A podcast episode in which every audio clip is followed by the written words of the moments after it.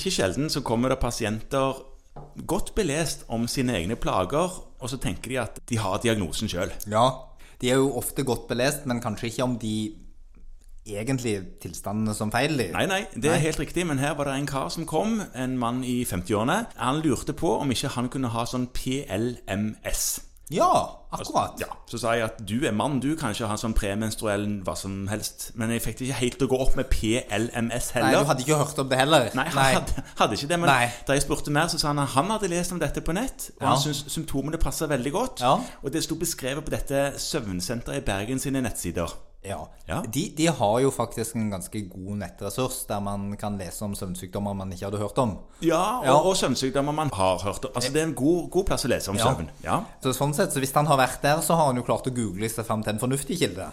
Ja, Ja. men har du hørt om PLMS? Ja, det har jeg jo faktisk gjort. da Ja, sant, Eh, det. Det er jo ikke eh, nødvendigvis en sykdom man møter så ofte i allmennpraksis fordi man ikke tenker på det.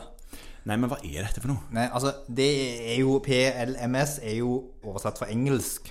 Ja, så det er et, det er et nynorsk navn på dette? Ja, det er et nynorsk navn. Altså, det er en engelsk akronym. Ja, men hva står det for, da? Periodic limb movement during sleep.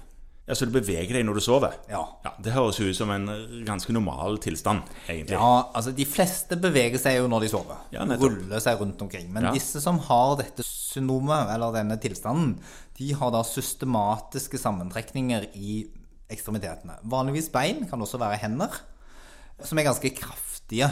Altså krølling av tær, bøying av kne, vifting med armer. som Kan du slå borti de du sover sammen med? Du og kan sånt? dunke borti vegger og de du sover sammen med. Og poenget er at det da skal være intermitterende og systematisk. Altså på den måten at du har en periode i søvnen du gjør dette. Ja. Og grunnen til at mange ikke vet om dette, er at de sover jo gjennom det. ja, Det høres ut som en diagnose mest designa for pårørende. Ja. Men det er kanskje ikke sånn? Nei, fordi at det er da de som har det skikkelig, holdt jeg på å si, de som, de som er mye plaga, de våkner av det. Og de kan da få hyppig oppvåkning på natt, men de vet jo ikke at de har ligget og vifta med en fot. Nei, så de våkner opp fordi de driver og beveger på seg, og når Ja. de våkner, så klarer de ikke å ta igjen hvorfor de våkner. Nei. Nei. Eh, Men de bare opplever at de våkner for avbrutt søvn.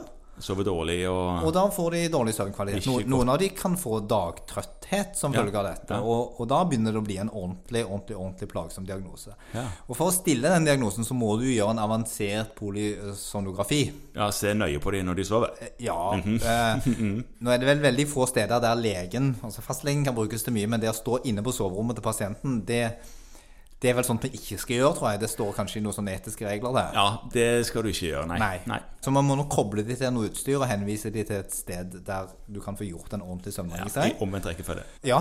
Altså henvise henviser de, og så kobler de til. Ja. Ja.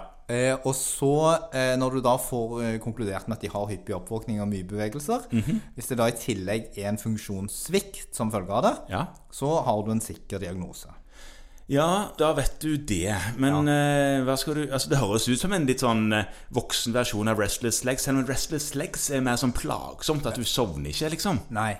Og det kan du på en måte si det. Behandlingen er litt den samme. Aha. Ja, Så det er jo de samme eh, medisinene. Det er altså da Pramipexol. Ah, som den er dikloridmonohydraten?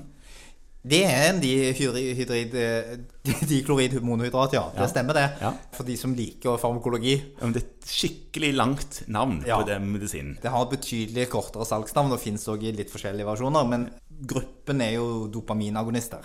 Ja. Og det er jo de vi bruker til Restless så det funker òg for disse. Tenk at eh, den diagnosen her, den stilles jo i, i samråd med en voksen. Ja, ja, ja. En sånn eh, sykehusspesialist. Sekundærmedisiner. Ja.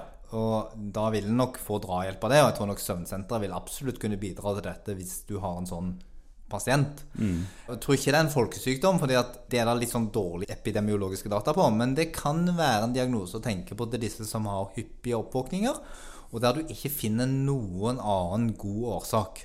Ja. kanskje også har gjort en søvn- vanlig sånn søvnregistrering etter, eh, og sett etter søvnapne og ikke finner noen ting der, og fortsatt pasienten er mye plaga.